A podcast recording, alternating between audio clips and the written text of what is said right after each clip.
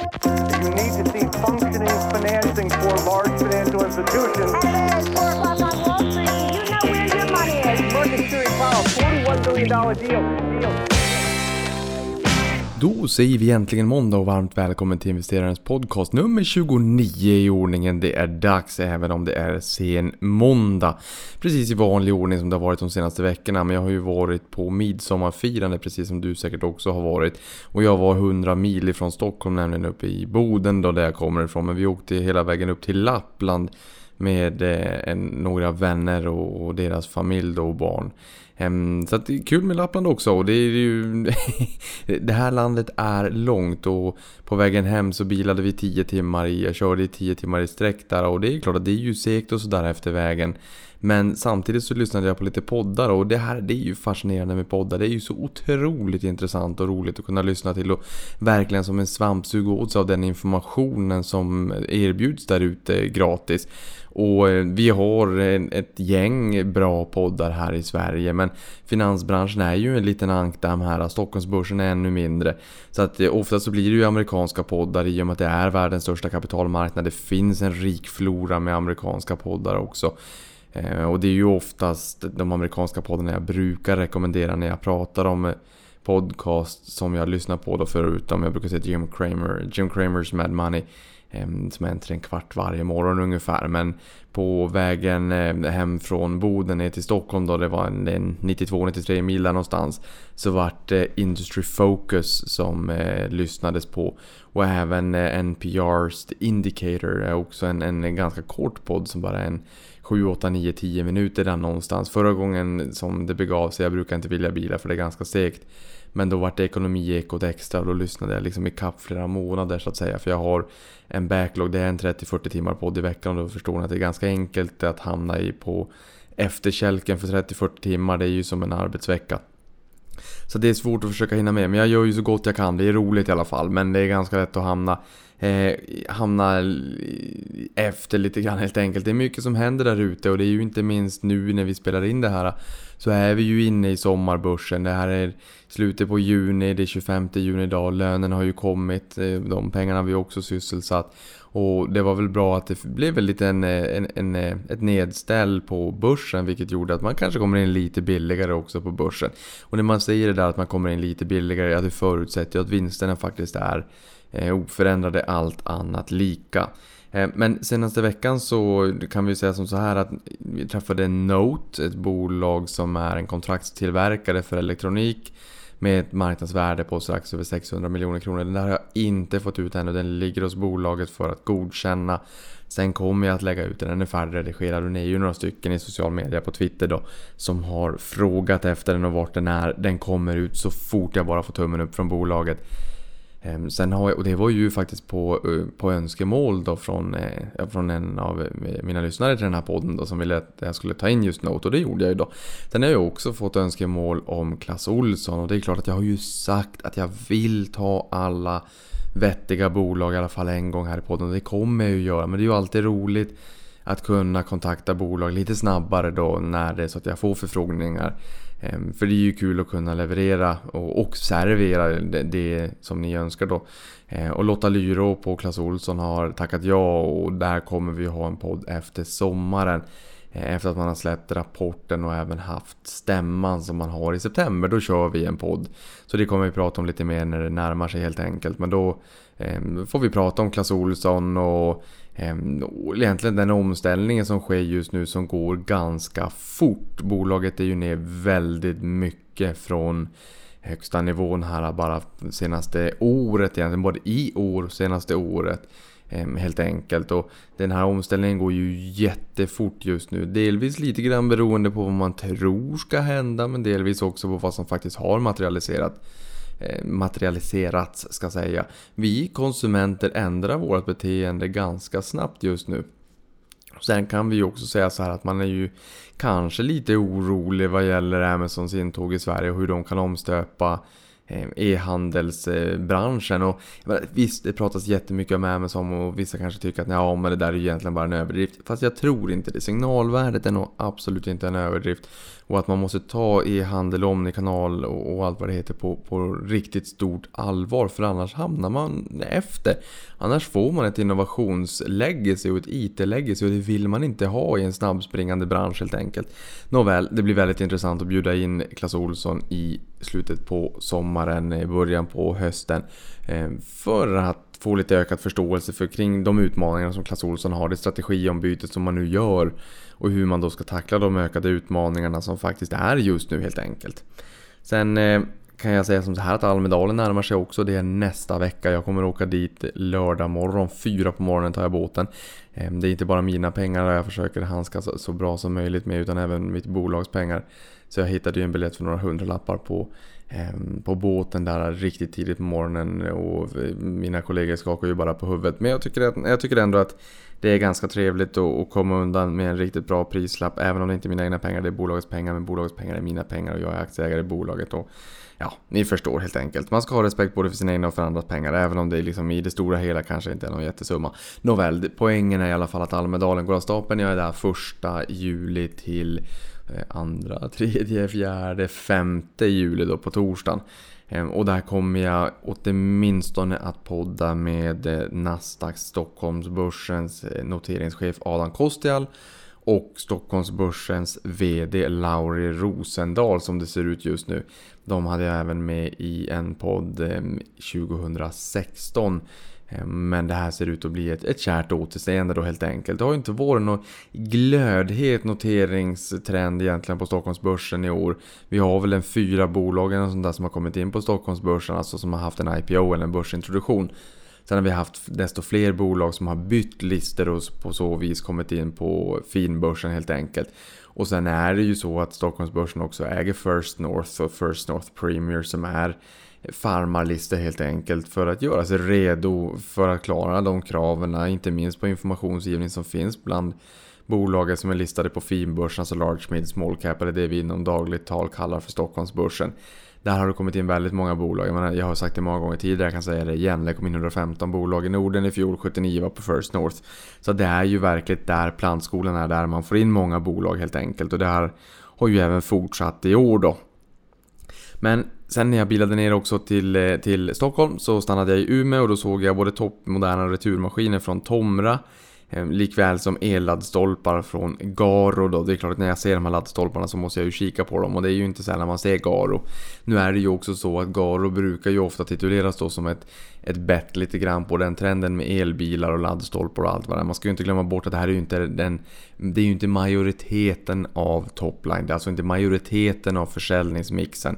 Men det är likväl ett område inom Garo som växer ganska hyggligt. Så att det är ju en liten option då på den här trenden helt enkelt. Eh, men i alla fall, jag såg dem där. Om vi tittar senaste veckan så har vi OMXS30, där har vi eh, Essity som har stigit 1,10%, OMXSPI, Stockholmsbörsens breda index. Där har vi Oasmia Pharmaceuticals som har stigit 7,7%. Dow Jones bjöd på en uppgång på 3,29% i Walmart. Nasdaq, eh, då hade vi ett bolag som heter Ability som steg 331%. S&P 500 har vi Darden Restaurants 14% och Eurostox 50, alltså 50 blue chip-bolag i Europa då inom eh, EMU-området. Eh, där har vi Sanofi som steg 0,79% och var en av två aktier i det här indexet som faktiskt orkade hålla sig över nollstrecket förra veckan. Eh, när jag spelar in det här så har det varit ett ganska stort fall på Stockholmsbörsen här på måndagen den 25 juni. Och det är förnyad oro kring handelshindren, handelsbråket som är mellan främst USA och Kina. Nu har vi glömt Nordkorea lite grann. Där bråkar man inte om den nukleära knappen längre och huruvida den funkar eller inte och vem som har den största knappen sådär. Utan nu är det ju handelshindren och handelskriget och kanske främst det eskalerande handelskriget och signalvärdet då mellan USA och Kina men kanske om man ska vara ändå lite bredare, kanske mellan USA och resten av världen. Ehm, där har eh, Trump också gått ut i helgen och sagt att eh, han inte accepterar att andra länder, alltså andra handelspartners till USA ehm, agerar och eh, praktiserar handelshinder, alltså någon form av protektionistiska åtgärder och det kanske man kan tycka att USA faktiskt gör. Men samtidigt så tror nog Trump att han snarare höjer tonen och verkligt frankt visar att, de här inte, att, att man inte accepterar det här och att man vill luckra upp helt enkelt. Han menar på att det här är inte en one way eh, road utan att det, det måste vara ett gemensamt utbyte. Ehm, och, och menar då att är det så att man fortsätter med protektionistiska åtgärder så kommer USA att helt enkelt besvara de åtgärderna med ännu hårdare eh, motåtgärder än vad man redan har aviserat då helt enkelt. Och det, det har ju varit lite grann tit för tät eller ett chicken race om man så vill och det har varit hård argumentation ehm, och där har ju både Kina men även Europa varit ute och sagt att man inte vill ha ett handelskrig utan att man snarare vill tona ner det här. Men då kanske också Trump får vatten på sin kvarn och går ännu hårdare åt. För här i helgen så sa man då dels att man inte accepterar att eh, USAs handelspartners egentligen eh, på, på något sätt överhuvudtaget Eh, håller på med protektionistiska åtgärder. Man har också pratat om handelstullar på fordon, bilar eh, som exporteras från EU. Och man har även pratat om att införa strängare åtgärder som motverkar kinesiska bolag och kineser att investera och förvärva amerikanska bolag inom techsektorn för att stjäla amerikansk teknologi helt enkelt. Så det är ju många åtgärder och det är lite grann ett flerfrontskrig som USA med Trump i spetsen faktiskt för just nu. Men man kan väl säga så här att den gemensamma synen från resten av världen är väl att man inte riktigt vill ha ett handelskrig och det är väl ingen som kanske riktigt tjänar på det här heller. Men även Europa har ju sagt att man ska införa motåtgärder och nu har man ju exempelvis Harley Davidson har ju sagt att nu planerar de på att eh, flytta produktion från USA till Europa. Ehm, därför att Europa då har höjt eh, tarifferna från 6 till 31% på Harley Davidson motorcyklar. Så oron och egentligen mellandagsbörsen fortsätter, men där har vi haft tidigare eh, under året att det har varit lite grann varannandagsbörs just efter den här oron kring handelskrig och när den då eh, egentligen både föddes och, började växa så att säga och fick näring så var det ju oro ena dagen och sen så var det som bortblåst andra dagen och så var det oro igen och så var det som bortblåst och så var det oro och så var det som bortblåst. Ehm, och, och det här är ju då kanske det var snarare just det här att man såg det som ett chicken race. Och att, men man, man såg kanske att eh, argumentationen och retoriken blev hårdare och hårdare.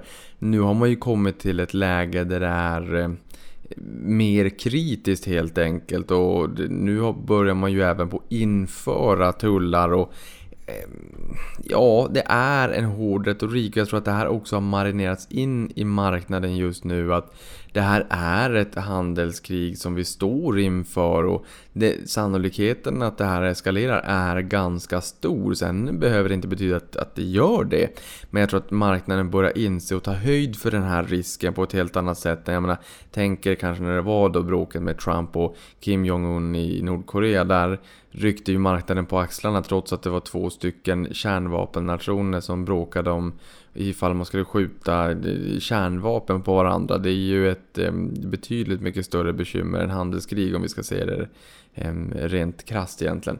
Men det där mm, tyckte ju marknaden bara var käbbel som, som Löfven hade sagt. Ehm, men i det här fallet så börjar man ju inse att här är det ju faktiskt ett allvarligt hot på riktigt. Ehm, och att det inte då bara är mellan USA och Kina utan att det faktiskt börjar vara ett fler, eh, flerfrontskrig då helt enkelt. Ehm, och om det är några datum man ska kika lite extra på här så har Danske Bank sagt att eh, de här strafftullarna mot kinesiska exportvaror trädde i kraft den 6 juli men redan den 30 juni så väntas ett stopp för kinesiska investeringar i amerikanska teknikföretag och blockeringar av teknikexport till Kina. För där har man ju sagt dels då att eh, man kommer att införa eh, ytterligare tullar på kinesiska produkter. Man har också sagt det här med bilar som exporteras från EU men även att man ska hindra kineser från att köpa upp amerikansk teknik och, och stjäla teknik om man så säger för att använda deras eh, ord. Ehm, och det här kanske inte är helt fel ändå. Jag menar, är det så att man pratar med svenska teknikbolag, jag är ju ganska ofta på mm, börsevent och, och, och aktiespararträffar och sådär och jag menar inte sällan så är det ju teknikbolag man, eh, som gästar och när man då frågar just det här kring exempelvis Kina, det är ju en gigantisk marknad.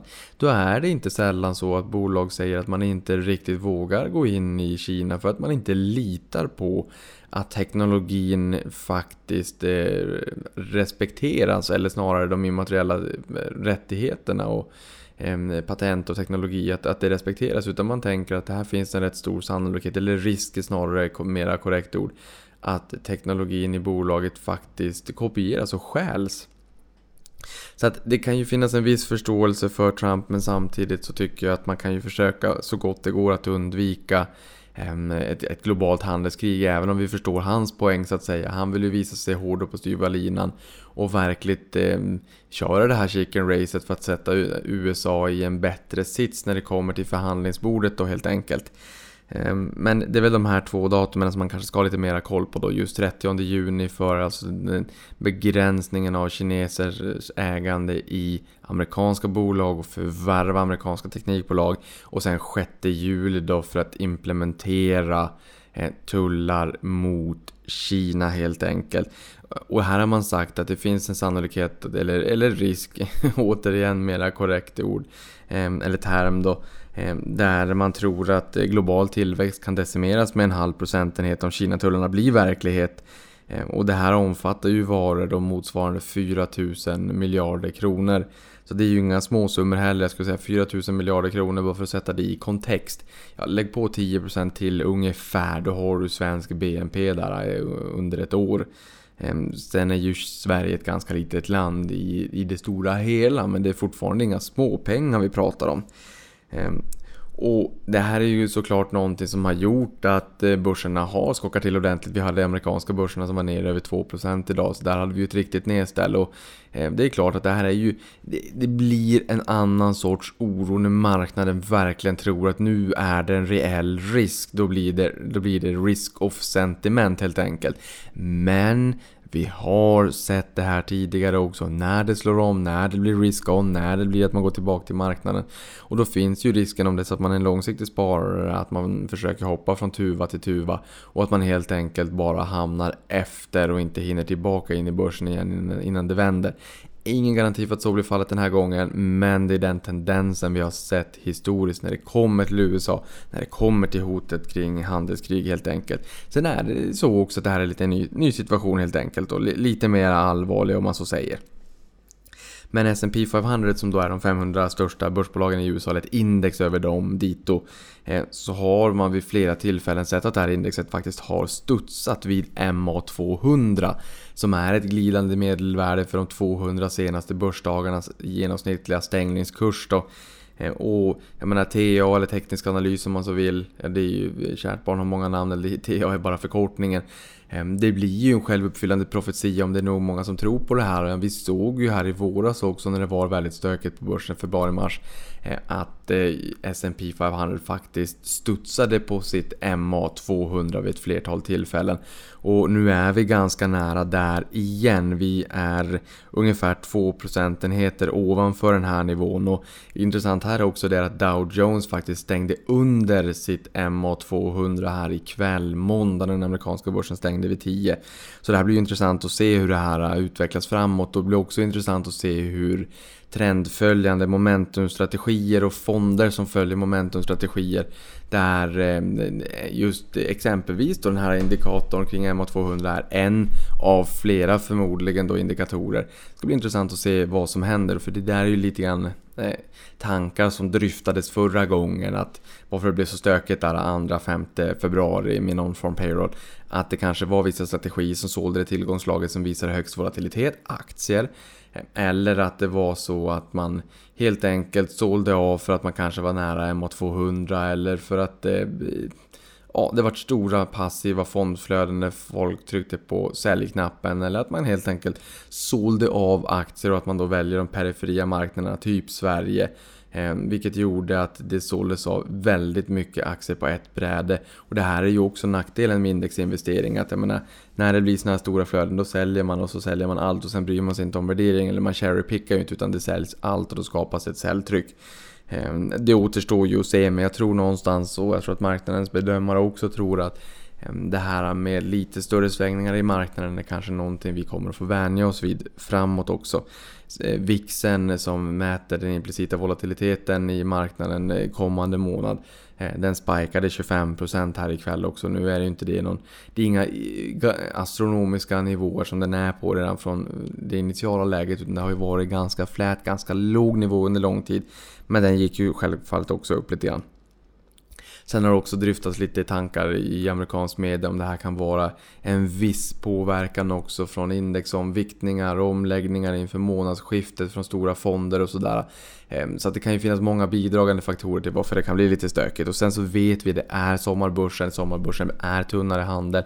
Även om den inte är lika tunn i USA självfallet, det är världens största kapitalmarknad. Men det blir fortfarande tunnare handel. Det blir fortfarande lite mera Eh, risk för påverkan eh, från nyheter, inte minst som den här då. Eh, men samtidigt så... Eh, Ja, eh, jag tror att det är nog ingen överdrift från marknaden heller utan jag förstår varför den blir lite orolig, får lite ont i magen. Men hur ska man då tänka när det är den här typen av risker i marknaden, ökade politiska risker? Hur ska man då i sådana fall tänka för att faktiskt klara av den här eh, ökade eh, oron och ökade svängningarna i portföljen utan att få ont i magen? Ja, om vi säger så här. Jag brukar säga att jag ska podda i 40 år och det kommer jag nog säkert göra också. Men det innebär ju att man allt som oftast vid flera tillfällen kommer att upprepa sig själv. Och det kommer jag att göra. Därför att det går inte från ena månaden till den andra när det blir en skakning här, en skakning där. Hitta på ett helt nytt innehåll. Utan same procedures yesterday, same procedures last month, same procedures eh, every downturn eh, egentligen. Och det är ju det jag brukar säga, att vi går till gymmet, vi tränar, vi bryter ner musklerna, vi får träningsverk, vi, vi, vi, tycker att det känns bra. Därför att vi vet att vi ökar muskelmassan till imorgon, vi vet att musklerna växer och sen så drar de mer energi och sådär också, så kommer man i form. Ehm, men på börsen, när det går ner, då får vi jätteont i magen och sen så tycker vi att det här var inget roligt och så kanske vi i värsta fall lämnar börsen. Medan det kanske är just då man ska köpa. Och sen säger jag inte att det, blir ett köpläge bara per automatik så fort börsen går ner. Eh, för det här har ju också att göra med förväntningar och börsen är ju ett spel om förväntningar åtminstone i det korta perspektivet. Men allt annat lika om bolagsvinsterna tenderar att vara eh, detsamma så att säga om ingenting händer där. Ehm, så är det klart att börsen blir billigare om den faller ner helt enkelt. Ehm, men det blir svårare att bedöma. Det är klart att en t-shirt som har kostat 200 kronor som sen sätts ner till 129 det är mycket lättare och mer intuitivt att förstå. Medan som börsen faller, ja då blir det ju, man får ont i magen. Jag brukar säga att börsen är ju som tar din egen onda magkänsla, multiplicerar det med några miljoner så har du börsen. Det är människor det handlar om och det är inte så att börsen är strängt kalkylerande nyttomaximerande. Glöm det, det är inte så.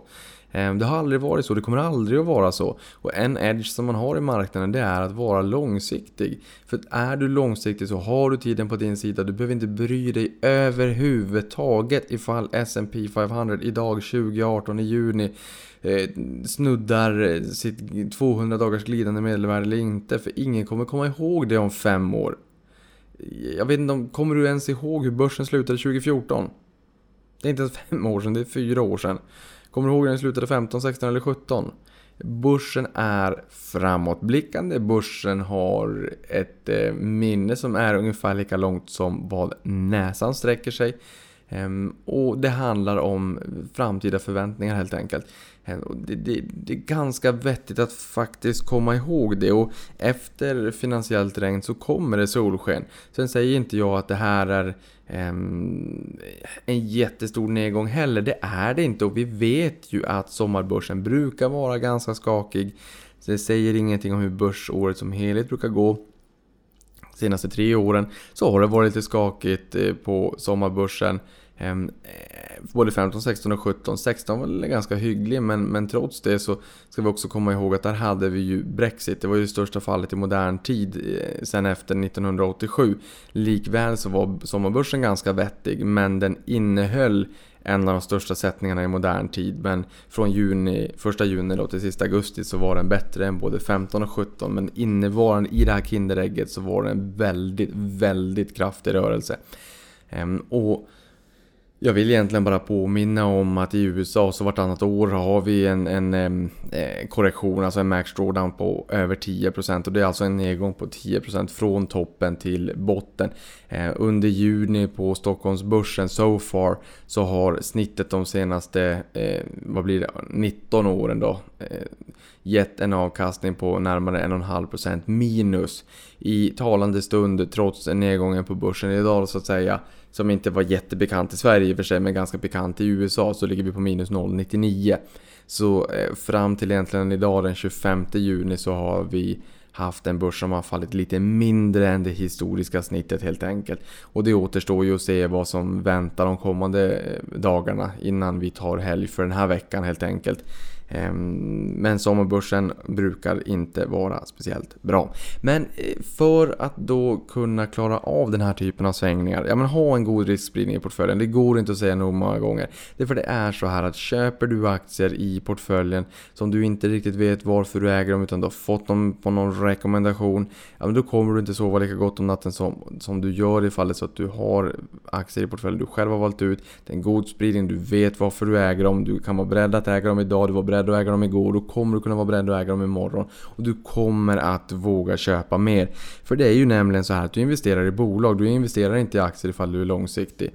Ehm, på kort sikt så är det ju så att börsen sätter tonen och sentimentet på börsen om det är så att vi ska vara glada eller om vi ska vara sura. Och jag kommer ihåg 1987, då sa, jag tror det var Veckans Affärer som skrev “Happy days are here again” och sen så tio dagar senare Ehm, ja, eller tio dagar senare, det var väl någon vecka senare så stod det tio dagar som förändrade världen och då var det alltså det stora börsfallet på eh, den amerikanska börsen då det där eh, Dow Jones föll 508,32 punkter. Det var alltså ett fall på 23,6 procent. Det var det största fallet i modern tid eh, och förmodligen den värsta slakten sedan eh, depressionen på 30-talet. Så att, eh, och, och därefter så, så steg ju börsen ganska hyggligt också. För jag menar, efter de här stora sättningarna så blir det också väldigt stora uppgångar för att hämta igen det här. Men med det sagt, du investerar inte i aktier ifall du är långsiktig. För att på kort sikt då är det börsen som sätter tonen eh, i bolaget. Och, och aktien kan ju sägas vara ett derivat eller egentligen en spekulation på de framtida vinsterna i bolaget. För bolaget, aktien, P talet alltså hur många gånger årsvinsten du betalar för bolaget. Det är ju egentligen bara en värdering av eh, vinsten i bolaget och är det något som driver aktierna och utvecklingen långsiktigt ja men då är det ju bolaget, bolagets performance, att man ökar vinsterna, att man ger utdelningar, alltså återföring till aktieägarna i form av utdelning, även återköp förvisso som jänkarna älskar. Och sen är det ju också Ehm, multipel expansion eller multipel kontraktion. Alltså hur mycket betalar man för varje vinstkrona i bolaget? Och det här multipel kontraktion och multipel eh, expansion Ja det är ju någon form av, det går ju liksom inte att styra. Det, det är klart att man kan ju ana om ett bolag handlas kanske till P8, 9, 10 när börsen är på 15, 16, 17 och konkurrenterna kanske också är på 15, 16, 17 samtidigt som det finns vettiga utsikter för det här bolaget då kan man ju ana att jag menar, här finns det nog en sannolikhet för multipel expansion. Ungefär som när jag köpte amerikanska aktier 2014, den stod i 6,44 dollar. Då tänkte jag, här finns det förmodligen en, en, ett utrymme för FX eh, tailwind snarare än headwind. Alltså att, börs, eh, att dollarn kanske ska stiga snarare än falla från 6,44 going forward.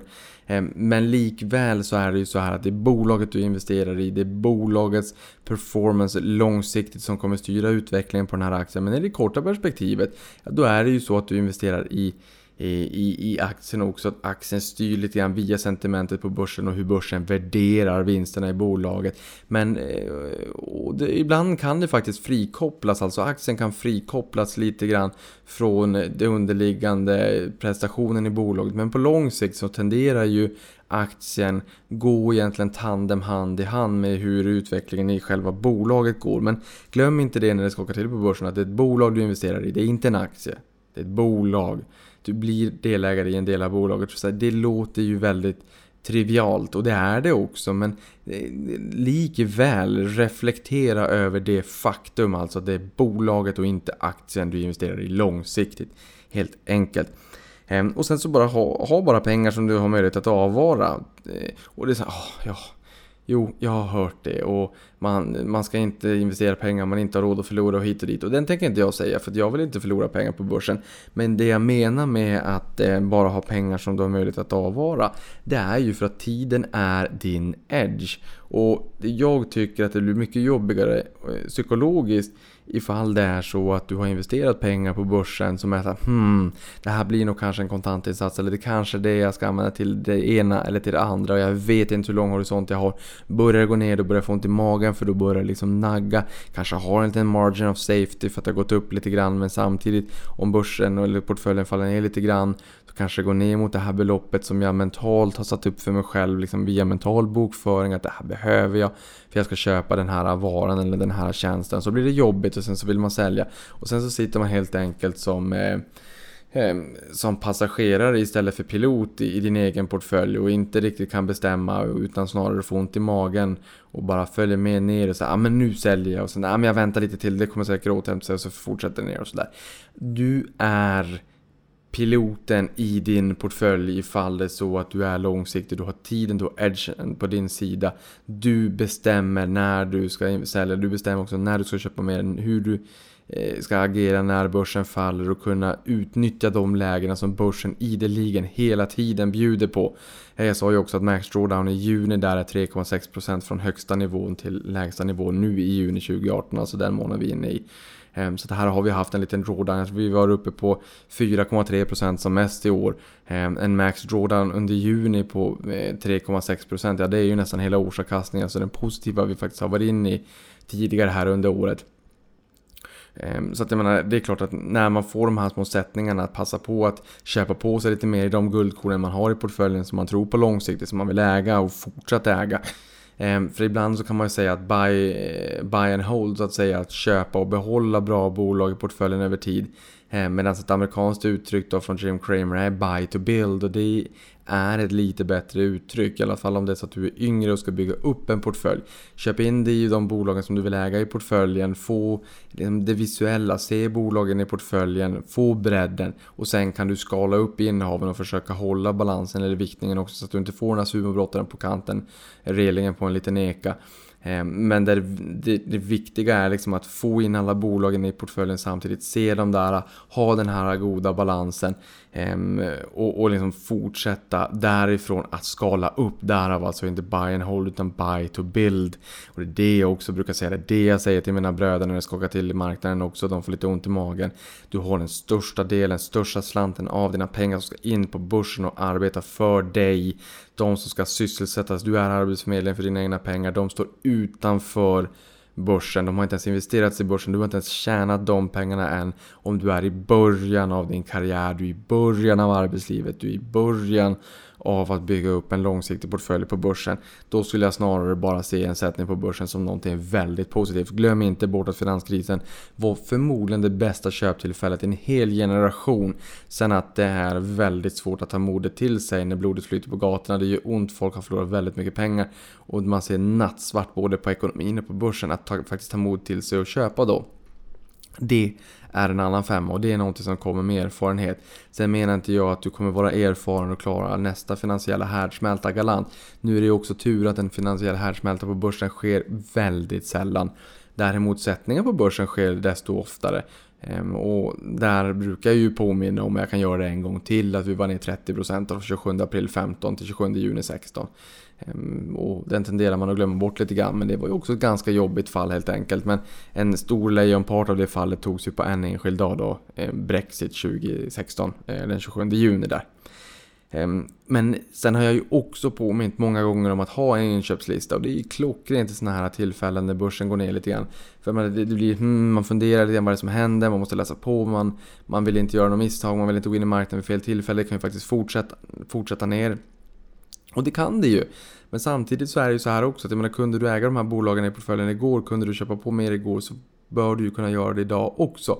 Eh, och så finns ju väldigt många bolag som kanske inte riktigt dagligdags påverkas av att eh, Kina och USA bråkar lite grann kring handelshindren helt enkelt. Ehm, men ha en inköpslista klar för dig eh, med de bolagen som du antingen har i portföljen och kan skala upp by the build eller att man helt enkelt funderar på vilka bolag vill jag ha in i portföljen och skriva upp dem på en inköpslista då så att du har dem framför dig när läget väl dyker upp. Och det är ju inte alls fel att varje söndag ta en kopp kaffe, sätta dig ner i lugn och ro, kolla på de här bolagen, både de du har i portföljen men de du har på din bevakningslista också och se hur har de utvecklats senaste veckan, hur är värderingen? Ja, värderingen och så här kanske du inte behöver köra varje vecka, du kanske kan ta en gång i månaden, det spelar väl egentligen ingen roll. Ha dem bara där. Därför det är mycket enklare psykologiskt att komma till skott i sådana fall när väl läget faktiskt kommer och eh, sommarbörsen som sagt brukar ju vara eh, stökig samtidigt som handelsoron tidigare i alla fall har bedarrat. Nu är det ett annat läge ehm, och vi kommer aldrig kunna veta till 100% att det här kommer att bedarra men sannolikheten är väl kanske att det gör det för att det finns ganska tydliga incitament för resten av världen att faktiskt försöka undvika ett fullskaligt handelskrig. För som sagt, det gynnar nog inte riktigt någon med den globala eh, sammanflätade värld vi faktiskt lever i numera. Sen finns det ju också bolag som klarar av handelskrig lite bättre än andra. Och det kanske är främst fördel mindre bolag som är tidigare i sin eh, cykel, sin mognadsfas, som inte riktigt har tagit steget ut utanför exempelvis Sveriges gränser och prövat sina vingar i Europa eller resten av världen eh, och inte har eh, intäkter i många olika valutor utan är lite mer ett domestikt play helt enkelt. De kommer förmodligen inte att påverkas lika mycket som exempelvis cykliska bolag som påverkas ganska mycket av oron kring handelskriget och oro och utslag från inköpschefer runt om i världen som kanske får lite ont i magen och kanske drar in på lite investeringsbudgetar och vad det kan tänka vara. Eh, och att man blir lite mer försiktig där ute. Det är klart att psykisk, eh, psykiska bolag, det är mycket psykologi på börsen, cykliska bolag tenderar ju att eh, påverkas ganska mycket och negativt av det. Medan vissa domestika spel helt enkelt inte eh, påverkas lika mycket alls. Men du kanske har ett eller två bolag i portföljen där du känner att ja men eh, bussar i Stockholm eller godis i portföljen eller dagligvaror eh, kanske inte påverkas lika mycket som vad eh, Boeing som är beroende av att exportera väldigt mycket flygplan till Kina är. Och sen att det är en sekulär eh, tillväxt i, i flygindustrin Ehm, och att eh, 1,3-1,4 miljarder kineser och att många får det bättre ställt också vill fortsätta flyga. Och att det bör någonstans överleva handelskrig och tariffer, det är ju en annan femma. Ehm, men sen också som jag har sagt många gånger tidigare, det här är ett perfekt läge återigen. Det kanske man borde ha gjort innan, men fortsätt gör det löpande hela tiden. Fundera på vilka bolag har du i portföljen och varför har du dem i portföljen och varför förtjänar de en plats i din portfölj? Skriv upp en två, tre meningar. Varför äger du bolaget? Och när du har gjort det, sätt den där lappen antingen fysiskt eller digitalt någonstans och kika på den när det skakar till. Varför ägde du bolaget nu igen? Kommer du tänka, hmm, just det. det här, den här trenden, eller de här triggerserna, eller de här skälen till varför jag äger bolagen, de gäller ju fortfarande. Ah, vad bra! Vi är ner 3,6% max drawdown under juni. Jag köper lite mer. Eller jag tar mod till mig och faktiskt våga vara långsiktig och faktiskt våga sysselsätta den här månadens sparande. För att inte hamna i ett sånt läge som är så klassiskt att man, man ser att börsen går ner lite grann, man får in lönen, man ska investera de pengarna men man väntar för det är så skakigt och sen vänder det upp och då köper man. Och så köpte man när det var dyrare igen. Så att helt enkelt våga vara eh, långsiktig. Eh, det är lättare sagt än gjort men eh, ja, helt enkelt. Hörrni, Eh, det är väl egentligen det jag ville säga om eh, handelshindren, handelskriget, den ökade oron som har blossat upp igen. Marknaden tar de här hoten på lite större allvar.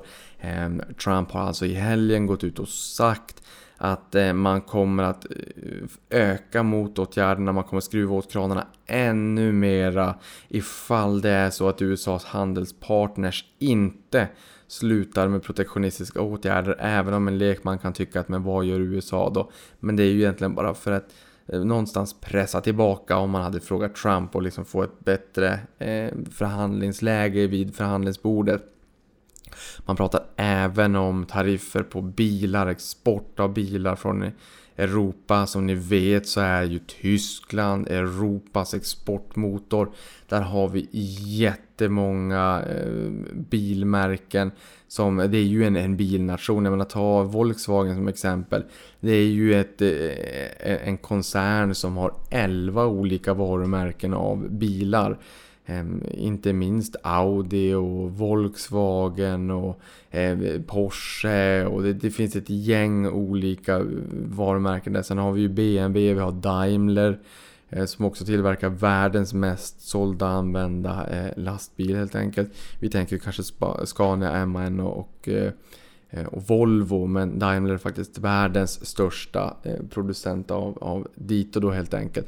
Sen har vi Peugeot, Renault i Frankrike och vi, vi har ju ett, ett, vi har jättemycket bilar i Europa så jag menar det här står ju väldigt hårt helt enkelt. Och sen har vi Kina också, deras investeringar i techbolagen och deras ambition om att vara en världsledande supermakt när det kommer till teknologi redan om, om några år. Och det här är någonting som Trump vill sätta käpparna i hjulen lite grann för.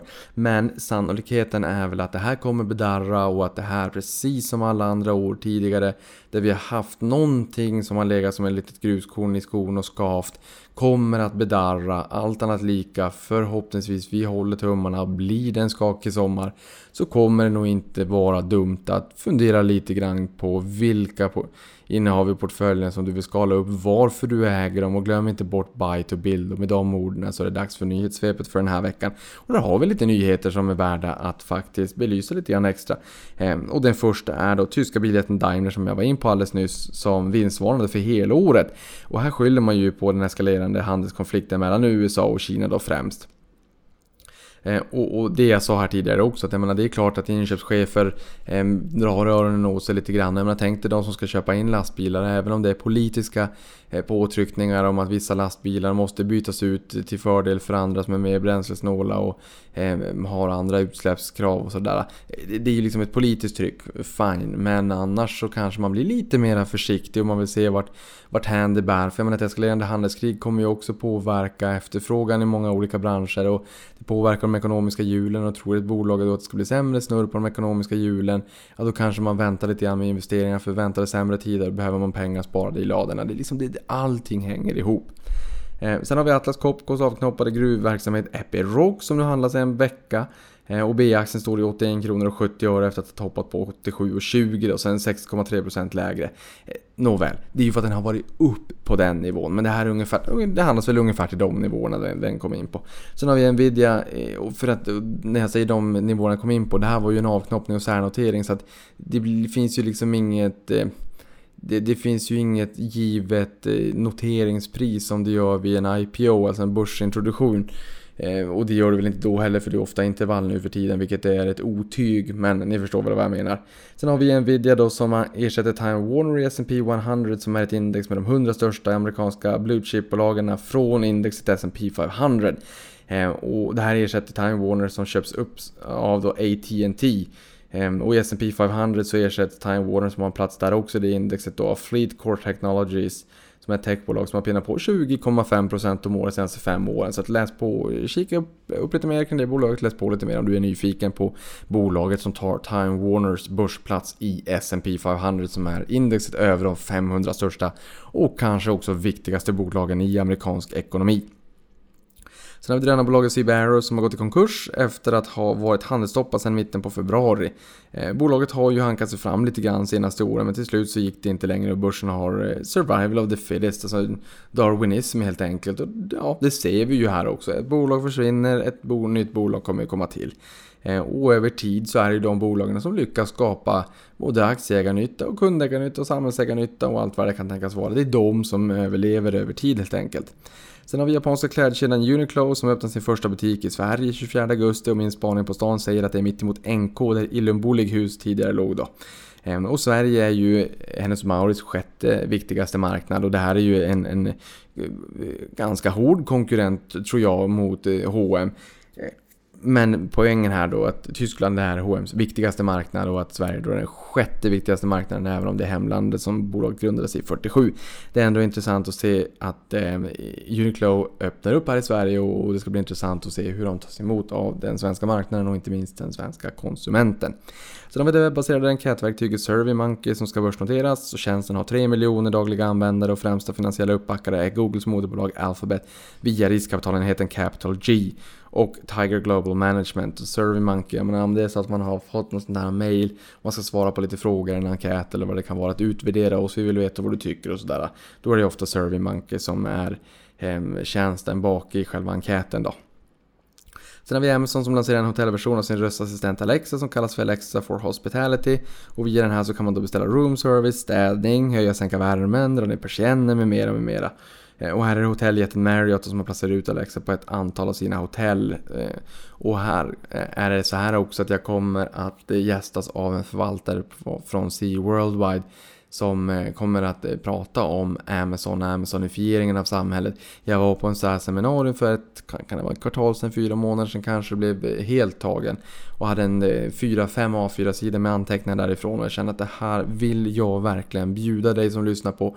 För det är fantastisk information, det är tänkvärt, det är intressant, det skänker tid för reflektion. Sen är det inte säkert att det, det här äh, reflekt, äh, materialiseras då, de här trenderna vi ser. Men bara det att jag googlar, kidsen youtubar och produktsökarna börjar mer och mer söka sig in mot Amazons plattform som huserar hem för 400 miljoner artiklar att internet börjar migrera till röstassistenter som istället för 50 förslag på batterier, batterier i ett förslag och att det förslaget råkar vara white label, alltså ett eget, eh, egna märkesvaror med högre marginaler men där konsumenten får fri frakt och leverans inom bara någon timme i storstäderna. Alla de här trenderna kokar ner till väldigt spännande möjligheter och inte minst det faktum att Amazon kniper varannan omsättningsdollar online i USA Eh, och hur det här kommer att kunna påverka resten av världen. Sen är det inte sagt att Amazon kommer ta över världen, men det Amazon kan, de är databönder brukar jag säga. De kan AI, de vet var du vill handla, när du vill handla, hur du vill handla och hur du vill få det levererat. De kan AI, Big Data, Artificial Intelligence och de kan logistik. Ehm, och många har mycket att lära av Amazon. Men sen så är det såklart att framtiden får ju utvisa vart hän det bär. Sen har vi Konjunkturinstitutet som bedömer att den svenska tillväxten avtar redan nästa år och sänker BNP-prognosen. Eh, konjunkturen ska toppa i år enligt institutet och delvis beroende på minskade bostadsinvesteringar. Det är ju någonting vi har sett en tvärnit i svensk ekonomi kring just det då. Prognosen i år sänks från 2,9 till 2,4% Det är en stor sänkning. Och 2019, det vill säga nästa år bedöms då BNP landa på 1,9% från tidigare 2,1%. Så att det, man eh, bromsar här. Det verkar som att eh, svensk ekonomi ser till eh, förväntas sakta in. Sen har vi det omåttligt populära spelet Fortnite som genererade 100 miljoner US-dollar första 90 dagarna på iOS. Det här är helt galet, både PubG och Fortnite. Det är väl bara det man pratar om när man lyssnar till gamers eller eh, Eh, ungdomarna, och, eller ja, inte bara ungdomar utan alla som var kanske på DreamHack som ägs av MTG också som är liksom en stor, kan man kalla det för gamerfestival. Fanns för en 15-16 år sedan också, jag vet inte exakt hur länge de har funnits men på den tiden när jag gick i gymnasiet så pratade man också om DreamHack helt enkelt. Ehm, jag satte mig inte på tåget och åkte land och rike runt för att åka in på den där eh, spelgalan men det hade varit roligt. Sen har vi eh, Amazon som ansökt om att få erbjuda betaltjänster i Sverige enligt Dagens Industri Digital. Som menar att de har lämnat in en ansökan till Finansinspektionen och allt det här kanske kokar ner egentligen att ehm, just ryktena kring att Amazon ska ge sig in i Sverige. Sen kan de ju ansöka om en betaltjänst i Sverige utan att ge sig in men allt det här eh, förståeligt nog kokar ändå ner till, till de tesen, den tron om att nu närmar de sig verkligen Sverige. Ryktena säger ju innan Black Friday åtminstone. Sen har vi bostadsutvecklaren Laxonen som gick i konkurs under midsommar. En bostadsutvecklare av lyxlägenhet som även tagit in finansiering via crowdfundingplattformen Tessin. Um, det är ganska jobbigt för bostadsutvecklarna, det går inte att säga någonting annat. Sist men inte minst, danska bryggeriet Royal Unibrew höjer helårsprognosen för omsättningen på grund av det trevliga vårvädret. Där kan jag också säga med Axonen att de menar på att Eh, affärsmodellen för bostadsutvecklarna håller på att förändras i grunden och att det är svårt att sälja på ritning. Där man då köper en bostad med inflyttning om två, två och ett halvt år där man inte riktigt vet hur det kommer att se ut. Eh, och man inte vet hur priserna kommer att vara om två, två och ett halvt år och sådär. de menar på att eh, det, det, finns ganska mycket eh, hot kring just den affärsmodellen, att det kanske börjar krackelera i, i, i fundamenten. Vi får helt enkelt se, det får framtiden utvisa. Hörni, nu är det dags att eh, Ehm, helt enkelt eh, gå och lägga sig för det här är lite, lite sent på, på måndagen som jag släpper det här då.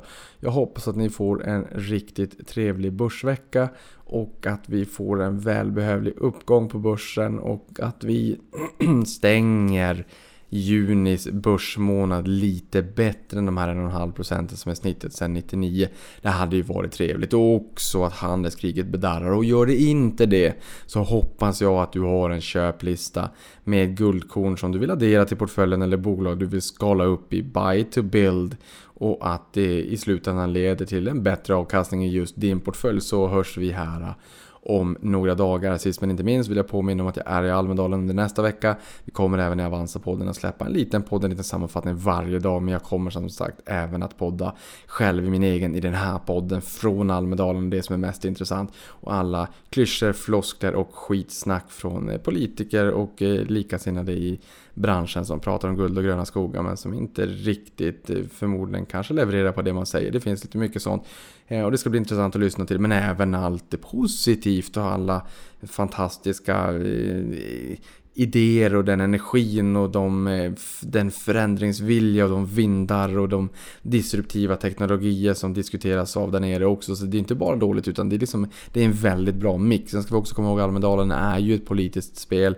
Ehm, sen har det varit mycket näringsliv de senaste åren men nu är det valår så det blir intressant att se om det blir fokus ännu mera politik återigen. Det återstår ju att se. Är det så att du är nere i Almedalen så är det bara hojta till så kan du morsa eller ta en kaffe.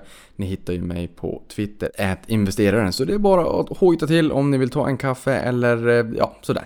Med, det, med de orden så säger jag tack för mig och sen så hörs vi snart igen. Powell, $41 million deal. deal.